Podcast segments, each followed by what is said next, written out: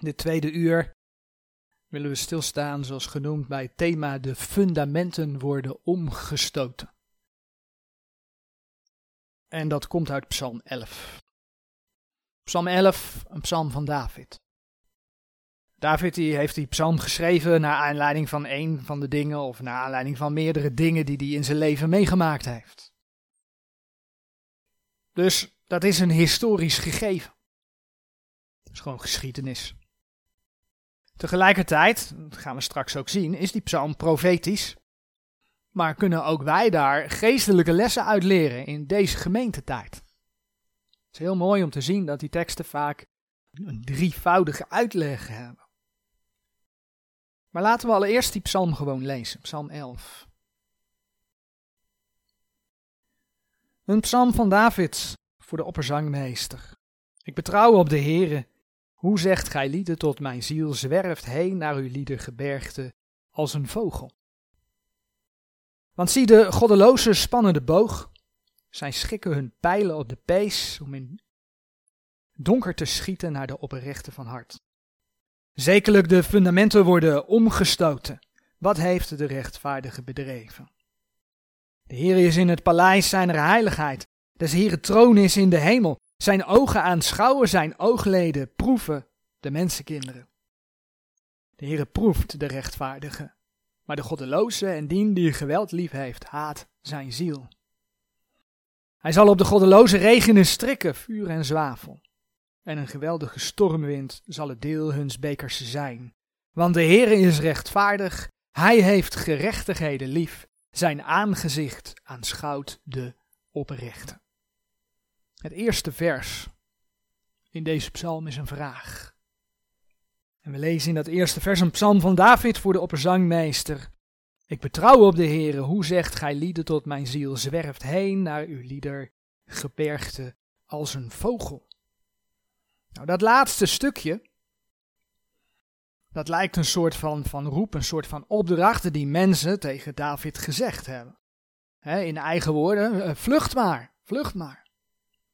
Nou, gezien het feit dat die psalm begint met vertrouwen in de Heere God. Dat zijn de eerste woorden in die psalm.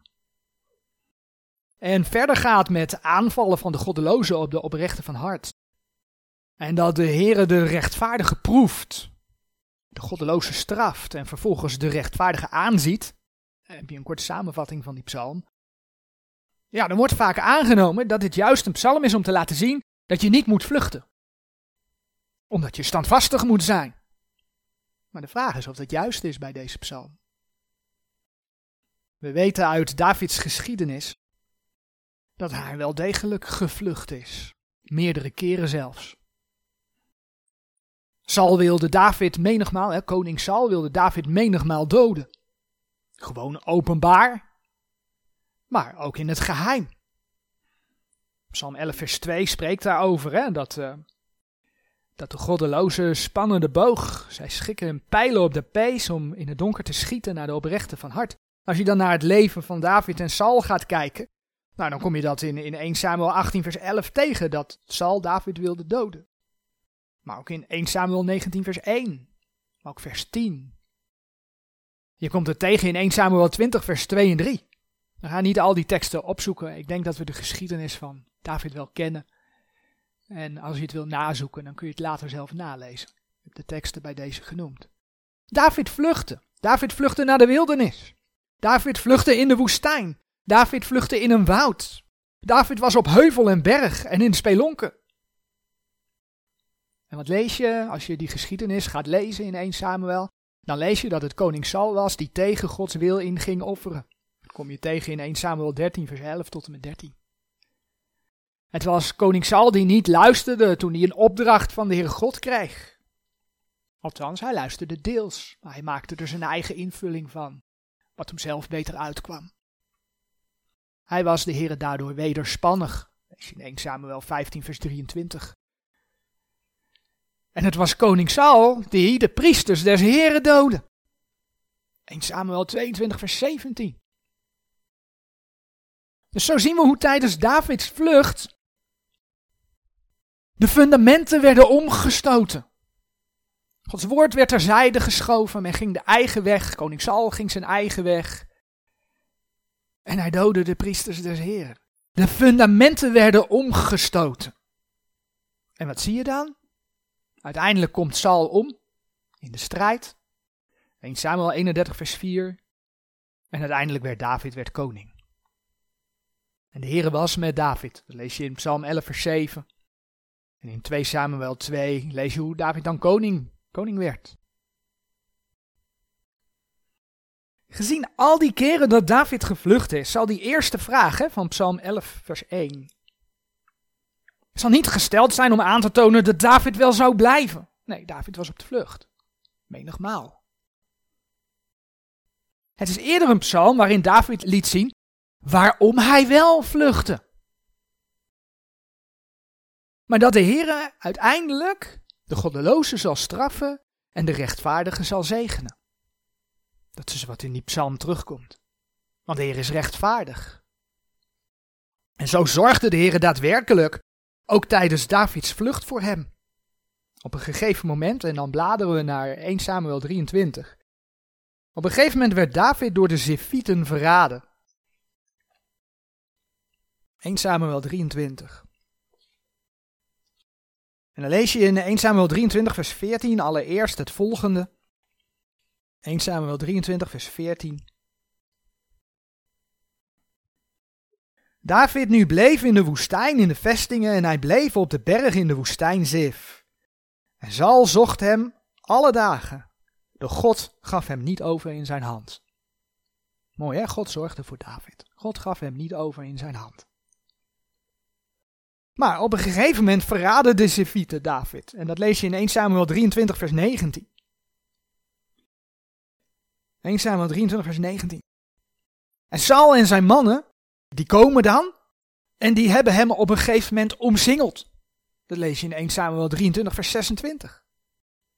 Maar dan, toen gebeurde er het volgende wat we lezen in vers 27 en 28 van 1 Samuel 23. Doch daar kwam een bode tot Saul, zeggende, haast u en kom, want de Filistijnen zijn in het land gevallen. Toen keerde zich Saul van David na te jagen. En hij toog de Filistijnen tegemoet. Daarom noemde men die plaats Selat Machlekot. Zie je hoe de Heere God geschiedenis leidt? Als hij niet wil dat je in de handen van de vijand valt, dan zorgt hij er wel voor dat je niet in de handen van de vijand valt. Punt. En zo zorgde God voor David. Hij was omsingeld, maar God zorgde ervoor dat David niet in de handen van Saul viel. David was op de vlucht, maar David werd beschermd door de Heere God. Maar het waren anderen, als we terugkomen bij Psalm 11, het waren anderen die tegen David zeiden wat er in vers 1 staat. Dat lees je ook gewoon in dat vers. Psalm 11, vers 1. Ik betrouw op de Heer. Hoe zegt gij lieden tot mijn ziel zwerft heen naar uw lieden gebergte als een vogel? Het zijn anderen die dat tegen David gezegd hebben. Je vindt die uitspraak nergens in het Oude Testament terug. Ja, hier in die psalm, maar niet, niet elders. Niet in 1 Samuel bijvoorbeeld. Dus je weet niet wie het tegen David gezegd heeft. Maar het is wel een extra openbaring van de Heer dat dit dus tegen David gezegd is. De Heer laat hier een, een extra gegeven zien. Zoals dat wel vaker in zijn woord gebeurt. Dat hij op andere plekken dat aanvult om het plaatje compleet te maken. Nou, als we het over de kanttekeningen van de Statenbijbel hebben, dan waarschuw ik daar altijd voor. Omdat in die kanttekeningen de Calvinistische leer verwerkt zit. Heel nadrukkelijk. Maar zo een enkele keer zitten daar best opmerkingen bij die extra licht op de vertaling geven, bijvoorbeeld. Zo vind ik in dit geval dat ze daar best een goed mogelijke toelichting bij dit vers geven. Ik citeer een stukje uit de kanttekeningen bij Psalm 11, vers 1. Saul en zijn medestanders, die David met zulke redenen beschimpten, als hebbende, zo zij meende, geen andere toevlucht, dan dat hij zich verstak en omzwierf op het gebergte, huppelende van de ene plaats op de andere als een vogel. Maar zij meende hem wel te betrappen, niet denkende aan God, die Davids troost en toevlucht was. Dit gaat ervan uit dat David wel op de vlucht was, gewoon gezien het getuigenis, hè, wat je in 1 Samuel 23 leest. En dat het een uitspraak was waarmee de mensen hem beschimpten, waarmee de mensen hem belachelijk maakten. Want ja, David had vijanden. Hè, lees maar vers 2. David had vijanden. Dat is een stukje geschiedenis. En ondanks dat David dus op de vlucht was, vertrouwde hij op God. Nu zijn de psalmen zijn vaak profetisch. Ze gaan over bijvoorbeeld de Heer Jezus die ja, met zijn eerste komst naar de aarde kwam. Die voor de mensen ging lijden en sterven. Maar ze gaan ook vaak over zijn tweede komst. Over de periode die daaraan vooraf gaat, hè, die bij ons bekend is als de grote verdrukking. Als je hier het kruis hebt van de Heer Jezus, zijn hemelvaart en, en Pinksteren, de uitstorting van de Heilige Geest, hebben we hier de gemeentetijd. En de gemeente zal op een gegeven moment opgenomen worden. En daarna breekt dan die grote verdrukking los. En na die zeven jaar van de grote verdrukking komt de Heer terug. Nou, dit stukje, en ook wel daarna zijn regering op aarde, is wat je heel veel in de psalmen ziet. Er wordt veel over het koningschap van de Heer Jezus gesproken. Terwijl hij nog helemaal geen koning is en is geweest. Dat gaat hij nog worden. Dus dat gaat over, over de toekomst. Wij leven dicht bij de opname van de gemeente. En wat je in de psalmen leest is vaak toekomst.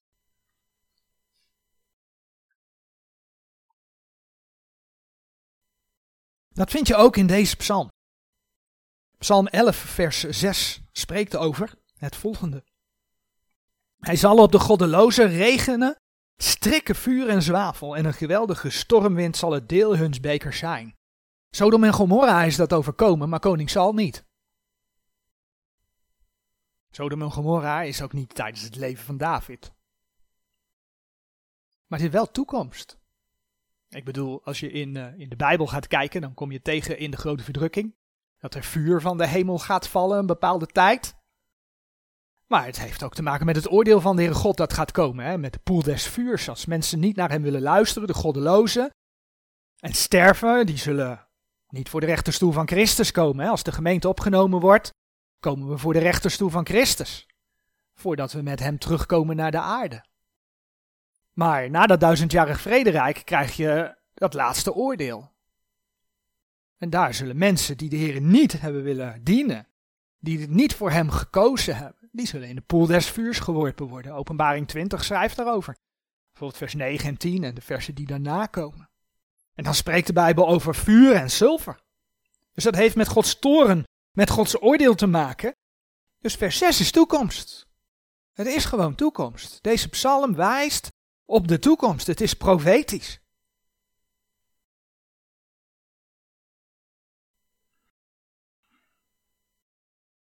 Uiteindelijk kan het zelfs wijzen naar het oordeel over de volken als de Heer Jezus terugkomt op aarde.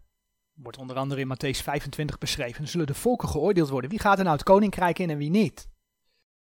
Degenen die het koninkrijk niet in mogen, die zullen in de eeuwige, ja, in eeuwige vuur gegooid worden, staat er.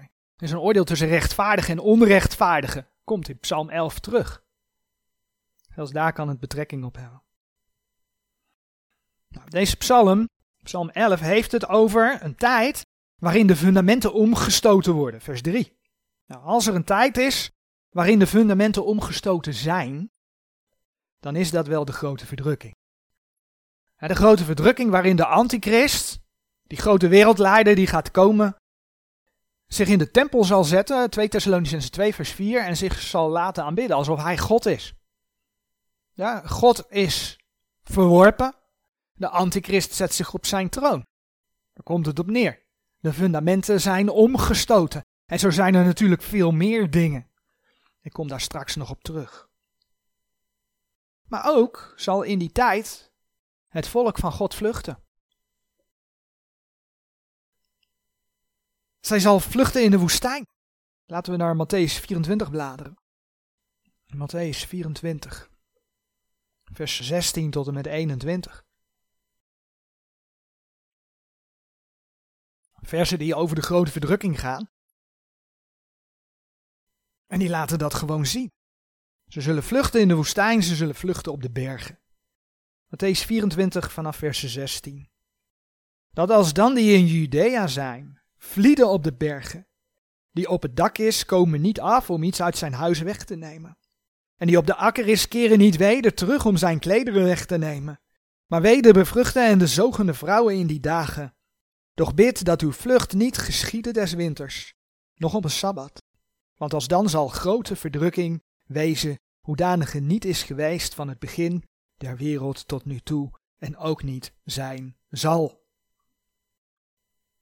Wat lazen we in vers 16? Dat als dan die in Judea zijn, vlieden op de bergen. Ja, David vluchtte, het volk Israël zal vluchten. En dan heb ik het over het volk Israël. Het gaat natuurlijk over degene van het volk die op dat moment de Heer gaan leren kennen. En dan zal de Heer ze laten vluchten. En in openbaring 12, vers 6 en 14 wordt dat nog eens een keer bevestigd, dat het volk zal vluchten naar de woestijn. En dat de Heer ze daar zal beschermen. Dus leerstellig, profetisch in dit geval, is deze psalm heel gewoon een belofte voor het volk Israël. Belofte voor het volk Israël. Dat er een tijd komt waarin de fundamenten worden omgestoten, wanneer de goddelozen de rechtvaardigen zullen vervolgen en doden.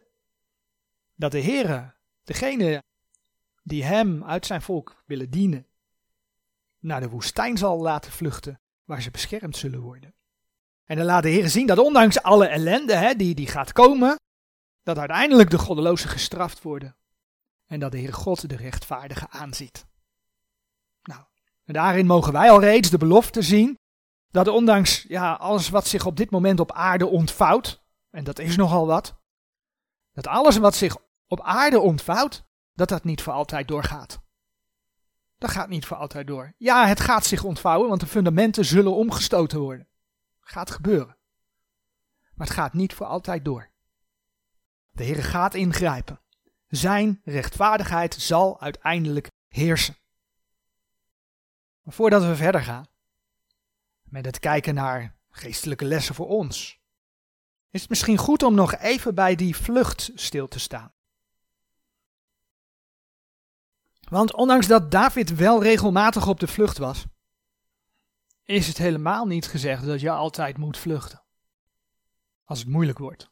Sterker nog, ik denk dat vlucht vaak als uitweg gebruikt wordt om de waarheid niet onder ogen te willen zien. En een mooi voorbeeld daarvan vinden we in Nehemia. En daarvoor bladeren we naar Nehemia 6.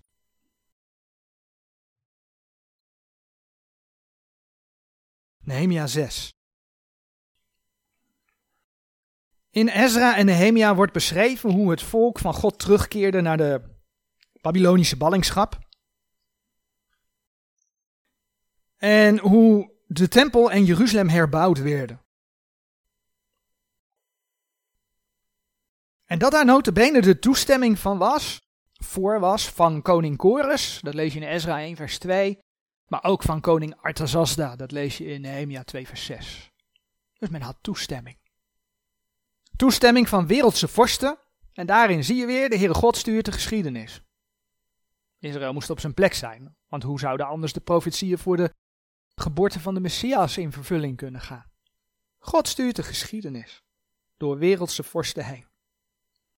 Maar juist omdat het het werk van de Heere was, zie je ook hoeveel tegenstand er was. Ga Ezra en Nehemia maar lezen. Hoeveel tegenstand er was om dat voor elkaar te krijgen. Een voorbeeld is dat er door de andere volken bijvoorbeeld valse beschuldigingen uitgesproken werden. Kijk maar in Nehemia 6, vers 5 en 6. Toen zond Sanballat tot mij op dezelfde wijze ten vijfde male zijn jongen met een open brief in zijn hand. Daarin was geschreven: Het is onder de volken gehoord. En Gasmu zegt: Gij en de Joden denkt te rebelleren. Daarom bouwt gij de muur, en gij zult hun ten koning zijn nadat deze zaken zijn.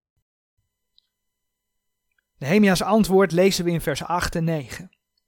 Doch ik zond tot hem om te zeggen: Er is van zulke zaken als gij zegt niets geschied.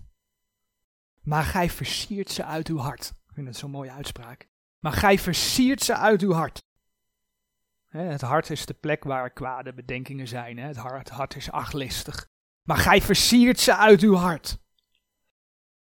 Want zij alle zochten ons vreesachtig te maken, zeggende hun handen zullen van het werk aflaten, dat het niet zal gedaan worden, nu dan sterk mijn handen. Nehemia had dus door wat er gaande was. Hij had door dat anderen probeerden om hem van het werk af te halen. En daarom bad hij, nu dan sterk mijn handen. Maar toen werd er nog een schepje bovenop gedaan. Kijk maar in vers 10 tot en met 14. Als ik nu kwam in het huis van Semaja, de zoon van Delaya, de zoon van Mehetabeel, hij nu was besloten, dat betekent dat hij opgesloten was, zo zeide hij, laat ons samenkomen in het huis Gods, in het midden des tempels, en laat ons de deuren des tempels toesluiten, want zij zullen komen om u te doden. Ja, bij nacht zullen zij komen om u te doden. Maar ik zeide, zou een man als ik vlieden?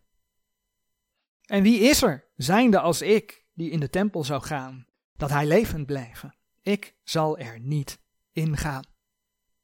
Want ik merkte en zie, God had hem niet gezonden. Maar hij sprak deze profetie tegen mij, omdat Tobia en Sanballat hem gehuurd hadden.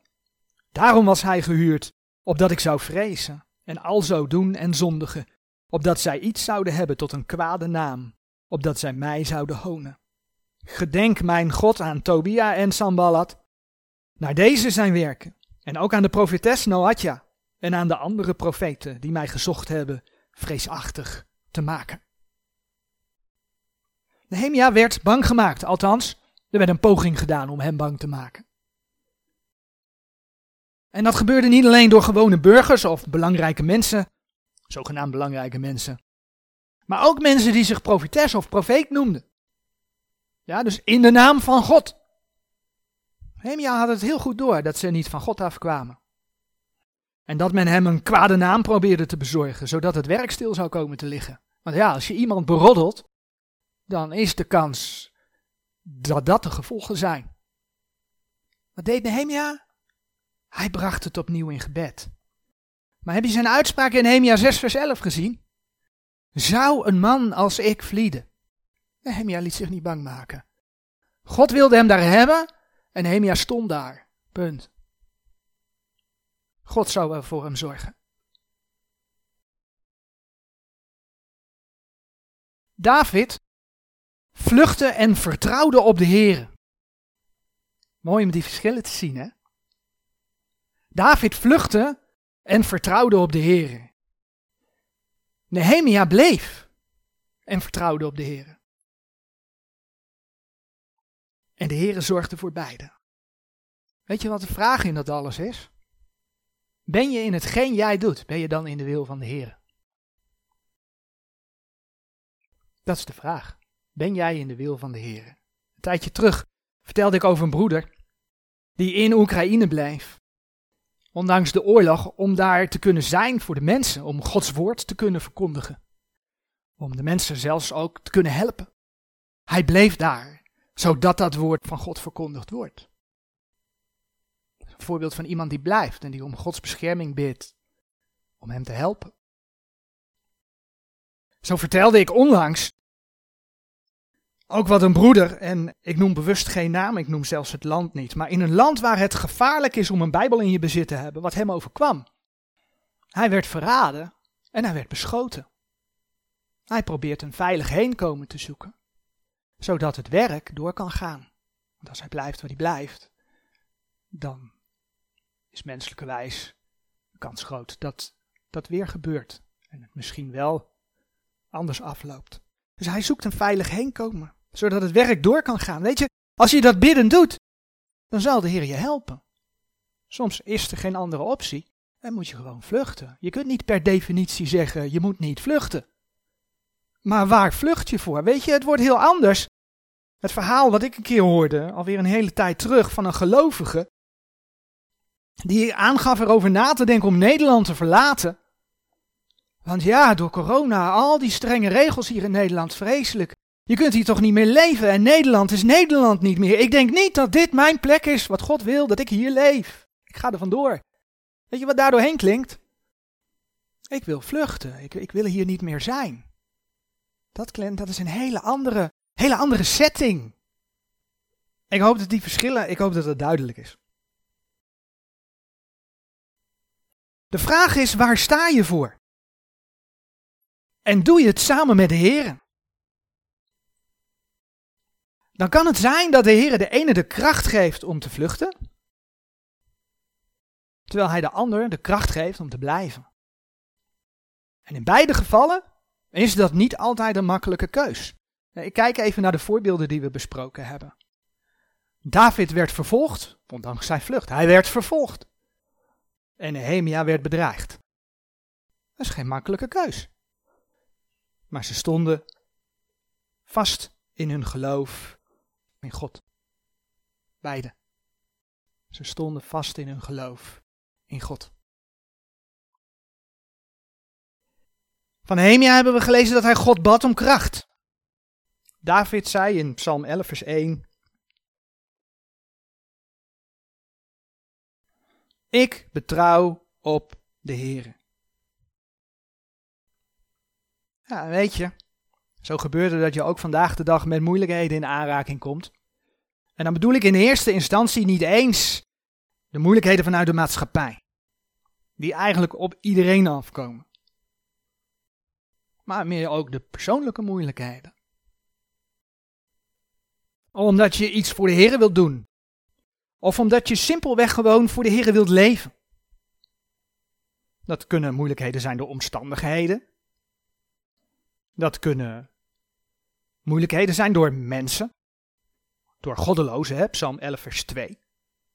Maar dat kunnen ook andere gelovigen zijn. Of mensen die zeggen te geloven. Paulus schrijft de Corinthiërs uit Efeze. Wat geschreven staat in 1 Korinthe 16. 1 Korinthe 16, vers 8 en 9.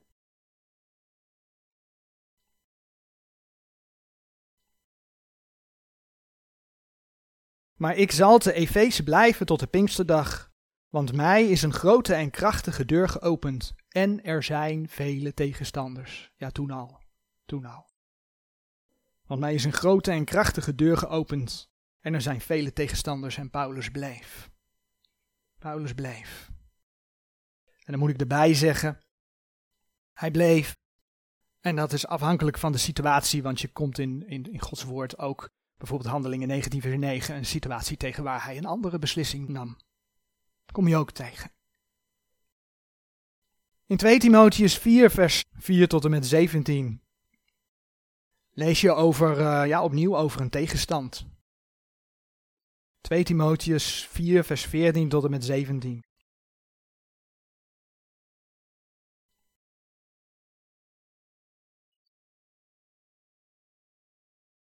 Alexander de kopersmid heeft mij veel kwaad betoond. De Heere vergelde hem naar zijn werken. Van welke wacht gij u ook? Want hij heeft onze woorden zeer tegengestaan.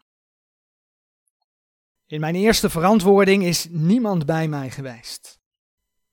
Maar zij hebben mij alle verlaten. Het worden hun niet toegerekend. Maar de Heere heeft mij bijgestaan en heeft mij bekrachtigd opdat men door mij ten volle zou verzekerd zijn van de prediking, en alle heidenen dezelfde zouden horen, en ik ben uit de muil des leeuws verlost. Paulus stond op een gegeven moment helemaal alleen, dat lezen we hier. Allen hebben mij verlaten. Hij moest blijkbaar leren, hij moest blijkbaar iets leren. Hij moest leren dat hij niet op mensen moest vertrouwen. Hij moest op de Here vertrouwen. Hij zocht de Heer in gebed. Dat kom je bijvoorbeeld ook in Efeze 6, vers 18 tot en met 20 tegen. En de Heer was bij hem. Nou, die vraag mogen wij ons ook stellen. Op wie vertrouw je? Vertrouw je op de Heer, ook als je het idee hebt dat je alleen komt te staan? Of vertrouw je op mensen?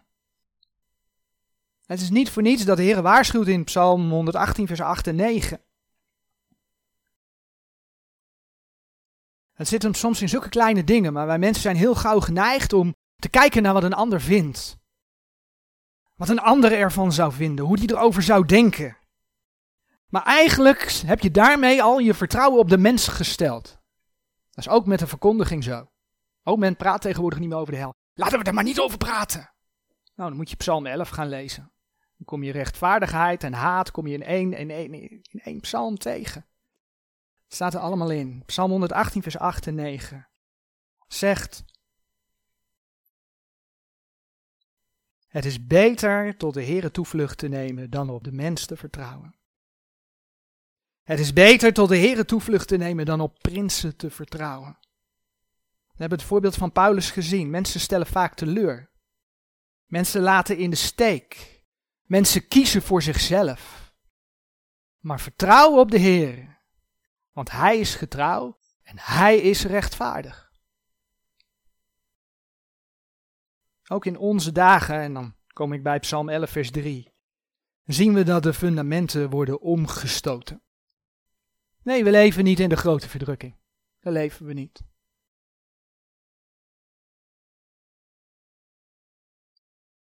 Grote verdrukking, hè, waar, die, waar die psalm profetisch naar verwijst, daar leven we helemaal niet, nog, nog niet in. Maar als we de dingen om ons heen zien gebeuren, weten we wel dat het niet ver af is. Ja, en we zien vandaag de dag allerlei dingen voorbereid worden. We hadden het vorige week over het beeld van het beest. En hoe atheïsten vandaag de dag notabene verkondigen dat er misschien wel een heilig boek geschreven wordt door hun eigen ja, dingen die ze zelf gecreëerd hebben. Kunstmatige intelligentie. Die ze zelf bouwen. Mensen maken een afgod. Er zijn dan atheïsten, mensen die zeggen dat er geen God is. We zien het dichterbij komen. En een van de dingen is die je ook laten zien dat we in die tijd leven, is dat vandaag de dag al als voorbereiding op die grote verdrukking alle fundamenten omgestoten worden. Dat is gewoon gaande. Ik bedoel, de Heer Jezus Christus. Wat wordt er van hem gezegd in de Bijbel? Hij is het fundament. 1 Korinthe 3 vers 11. 1 Korinthe 3 vers 11.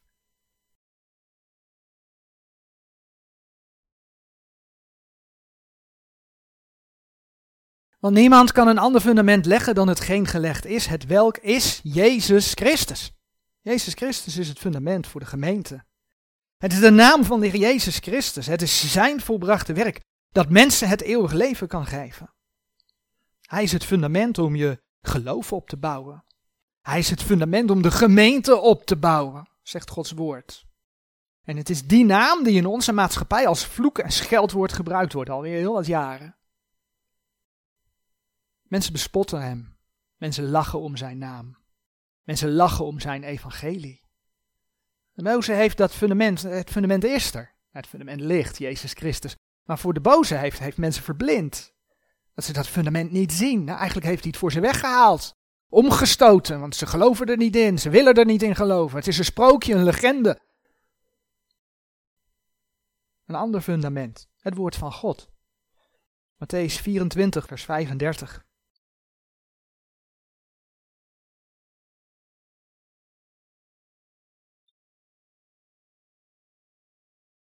De hemel en de aarde zullen voorbij gaan, maar mijn woorden zullen geen zins voorbij gaan. Door die woorden van God kun je de Heer Jezus kennen. Door die woorden van God kun je weten hoe je gered kunt worden, kunt zijn. De woorden van God in de Bijbel zijn daar het fundament voor. Het uitgangspunt. Die, die Bijbel, ja, dat hoort je basis in je geloof te zijn. Hè? Romeinen 16, vers 25 en 26. Daarom moet je ook datgene wat gezegd wordt toetsen aan die woorden van God. Maar de Bijbel is het boek waar mensen om lachen. De Bijbel is het boek dat mensen wegzetten. Ik noemde het net al even aan de hand van de Heer Jezus als een sprookje. En die werkelijke inhoud van de Bijbel is zo gevaarlijk voor de duivel dat hij eigenlijk in het begin, vrijwel in het begin al vraagtekens bij plaatst. Hè? Genesis 3, vers 1. Dat hij tegen Eva zei, is het ook dat God gezegd heeft? Nou, dan zie je dus dat tegenwoordig om de paar jaar een nieuwe vertaling op de markt komt. En dan men eigenlijk steeds verder van de geopenbaarde woorden van God afraakt. Zelfs in diverse kerken gelooft men niet meer dat er een hel is. Gelooft men niet in de opstanding. Gelooft men niet dat Jezus Christus God is. En ga zo maar door. Het fundament is omgestoten. Een ander fundament is het fundament van het huwelijk. Het wordt niet letterlijk een fundament in de, in de Bijbel genoemd. Maar het is wel de relatie die de Heer God wil voor de mensen, waardoor de mensheid zich vermenigvuldigt. Nou, Efeze 5, vers 31 en 32.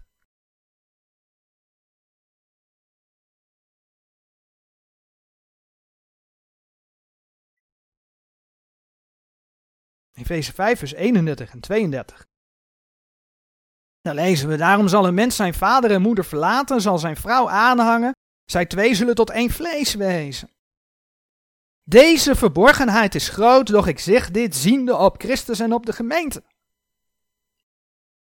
De Heer heeft in dat huwelijk iets van zichzelf laten zien. Dus dat moet kapot in deze maatschappij die onder leiding van de boze staat. Nou, het is natuurlijk al een aantal jaren zo dat, dat er vreselijk veel scheiding is en, en de overheden proberen dat ook te promoten door het zo makkelijk mogelijk te maken. Maar vandaag de dag, ja, de ene na de andere samenlevingsvorm en letter in het rijtje van hoe je kunt zijn, wordt eraan toegevoegd.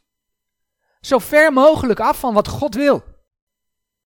De fundamenten worden omgestoten. Kerken volgen die ontwikkeling veelal. Gaan er gewoon in mee.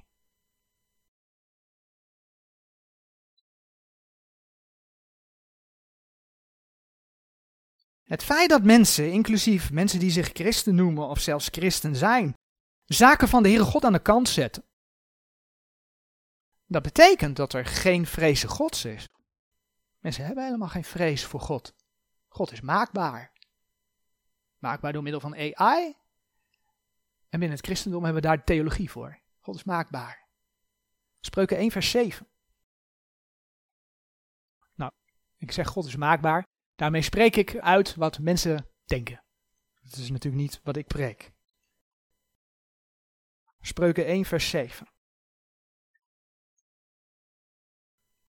Dat zegt iets over, over, over de vrezen Gods. De vrezen des Heren is het beginsel der wetenschap. De dwaze verachte wijsheid en tucht. De vrezen des Heren is het beginsel der wetenschap. Dat is ook een fundament.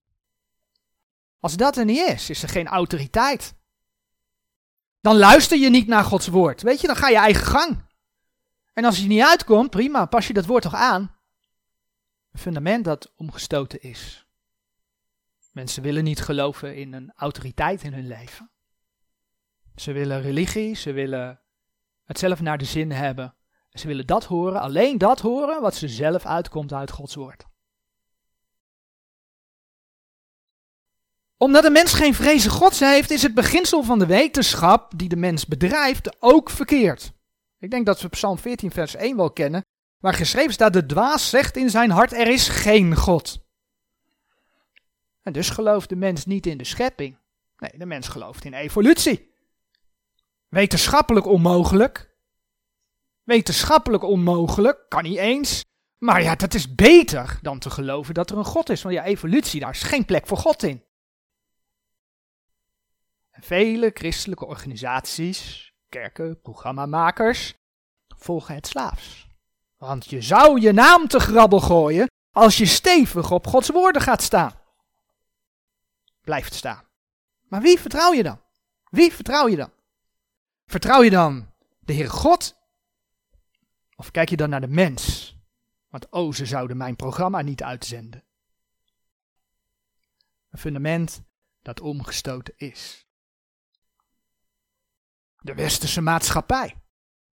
De westerse maatschappij, ja, dat, dat is een maatschappij die in elk geval deels op bijbelse principes berust.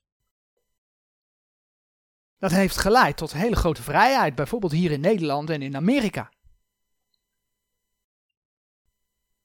Dat zijn dus voor mensen die hier leven een, ja, een soort van fundamenten geworden. Wetten van een land Bijvoorbeeld dat er in de grondwet staat dat we in het openbaar ons geloof mogen beleiden. Ja, staat er nog in. Wetten van een land, dat zijn ja, een soort fundamenten waar die maatschappij op gebouwd wordt.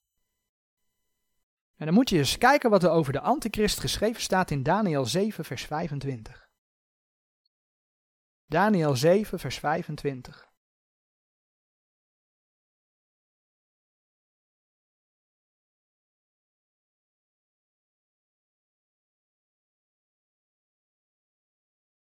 En hij zal woorden spreken tegen de Allerhoogste. En hij zal de heiligen der hoge plaatsen verstoren. En hij zal menen de tijden en de wet te veranderen. En zij zullen in deszelfs hand overgegeven worden tot een tijd en tijden en een gedeelte eens tijds. Veel dingen hieruit zijn ons wel bekend, wordt vaker over gesproken, maar zie je ook staan, hij zal menen de wet te veranderen. En ik geloof dat het hier niet specifiek over Gods wet gaat. Maar wat je vandaag de dag ziet gebeuren, is dat in sneltreinvaart op basis van een zogenaamde gezondheidscrisis alle wetten aangepast worden. Zelfs zo dat er straks een geldsysteem is, betaald met coronageld, via CBDC, CBDC, Central Bank Digital Currency, waarbij overheden totale controle hebben over wat mensen kunnen en mogen uitgeven. Waar ze mogen gaan en staan. Met andere woorden, openbaring 13 over het merkteken van het beest wordt in deze dagen gewoon voorbereid. De hele infrastructuur ligt er nagenoeg. Ook zie je dat mensen steeds minder vrij zijn in wat ze mogen zeggen. Als het ze niet bevalt, dan komt er via Big Tech een ban op en dan word je er vanaf gegooid. Ook dat wordt in wetten geregeld. En dan moet je eens kijken wat Spreuken 28 vers 28 zegt.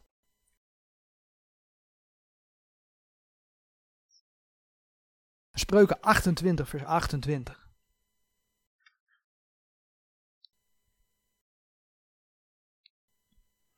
Als de goddelozen opkomen, verbergt zich de mens. Maar als zij omkomen, vermenigvuldigen de rechtvaardigen. En dan een paar versen verder, 29 vers 2. Als de rechtvaardigen groot worden, verblijdt zich het volk.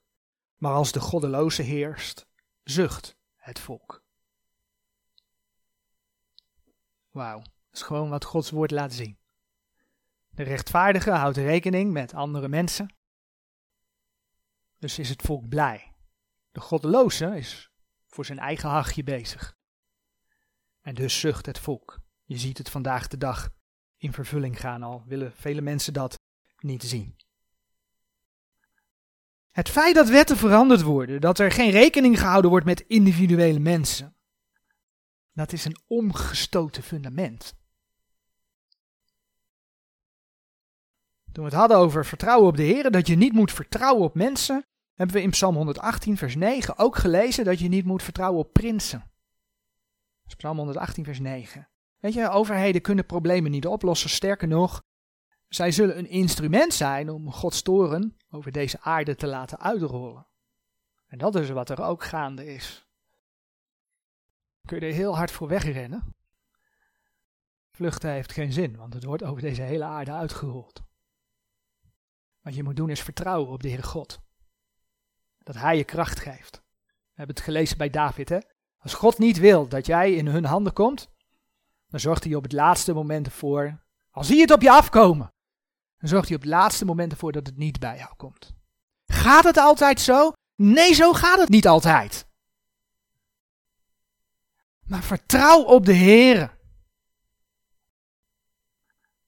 En weet je, zo kun je nog even doorgaan. De Heere God heeft de lokale gemeente gegeven als basis om opgebouwd te worden. Ook dat wordt omgestoten, afgebroken, omdat mensen het niet willen. En zo kun je doorgaan. Alles wordt anders, alles wordt veranderd, om het maar tegen God en zijn woord in te laten gaan. De fundamenten worden omgestoten. En dan lees je dus dat Gods toren in die grote verdrukking over de aarde gaat komen. Psalm 11. Dat heeft te maken met de, de onrechtvaardigheid van de mensen die de Heer God aan de kant hebben gezet. En God haat dat. Kun je weg willen stoppen. Maar God zegt dat hij dat haat. En het is niet voor niks dat die grote verdrukking gaat komen. Uiteindelijk gaat zelfs zijn oordeel daarover komen. Ik lees Psalm 11, vers 5 en 6. Lees ik voor. De Heere proeft de rechtvaardige, maar de goddeloze, en dien die geweld lief heeft, haat zijn ziel. Hij zal op de goddeloze regenen strikken vuur en zwavel, en een geweldige stormwind zal het deel huns bekers zijn.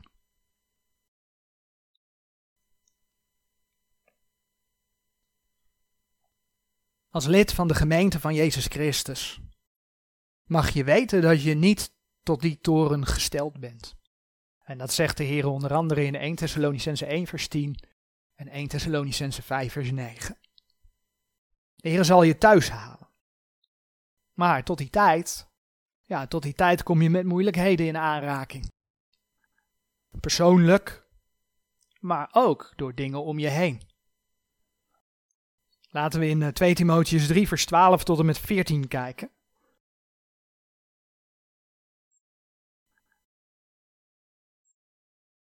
2 Timotheus 3, vers 12 tot en met 14. En ook alle die godzaliglijk willen leven in Christus Jezus, die zullen vervolgd worden. Doch de boze mensen en bedriegers zullen tot erger voortgaan, verleidende en wordende verleid.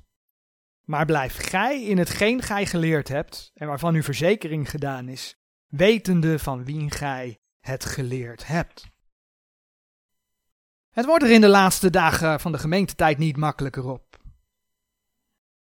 En dan geeft de Heer je aan om ondanks dat te blijven in hetgeen gij geleerd hebt en waarvan uw verzekering gedaan is. En daarna, als je dan verder leest dan vers 14, lees je over Gods woord. Want dat woord van God rust je volmaakt toe om staande te kunnen blijven. Vers 17 van 2 Timotheus 3. Dat je die moeilijkheden tegenkomt. Dat heeft er vaak mee te maken dat de Heer je als kind van God beproeft. Psalm 11, vers 4 en 5. Psalm 11, vers 4 en 5, het eerste stukje. De Heere is in het paleis zijner heiligheid, des Heere troon is in de hemel. Zijn ogen aanschouwen, zijn oogleden proeven de mensenkinderen. De Heere proeft de rechtvaardigen. Nee, dat is niet een proeven zo van, oh de Heere God vindt mij wel lekker of zo. Ik denk dat sommigen dat wel denken hoor. Maar dat is niet wat Gods woord laat zien. Weet je, de Heere God, en dan beproefde Abraham. En Abraham die kreeg een hele moeilijke opdracht. In Genesis 22 lees je daarover. Hij moest zijn zoon offeren. Nou, uiteindelijk laat de Heer God hem zien dat hij dat niet wilde. Maar God had hem wel de vraag gesteld. En Abraham ging wel op reis. Abraham luisterde naar de Heer God, hoe moeilijk het ook was. En dan lezen we in, in Jacobus 1, vers 2 tot en met 4. Jacobus 1, vers 2 tot en met 4.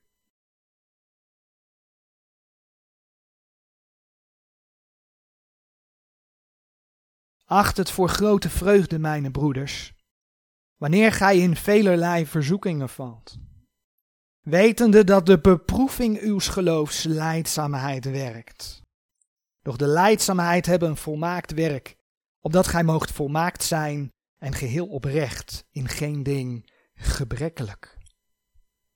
Nou, dat is absoluut niet makkelijk. Maar de Heer zegt hier dus dat je er blij mee moet zijn omdat het je geduld leert. Dat is wat daar staat. Omdat je er volmaakt, volkomen door toegerust wordt. Weet je wat je namelijk leert in die situaties? Je leert dat niet alles om jou draait.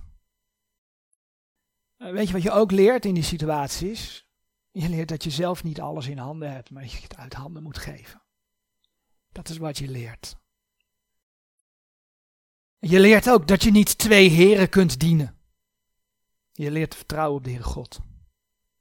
Ja, en dat is lastig.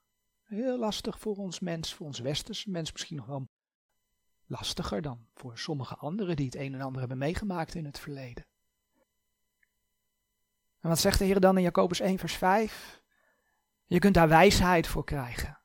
Daar mag je voor bidden. Bid voor wijsheid.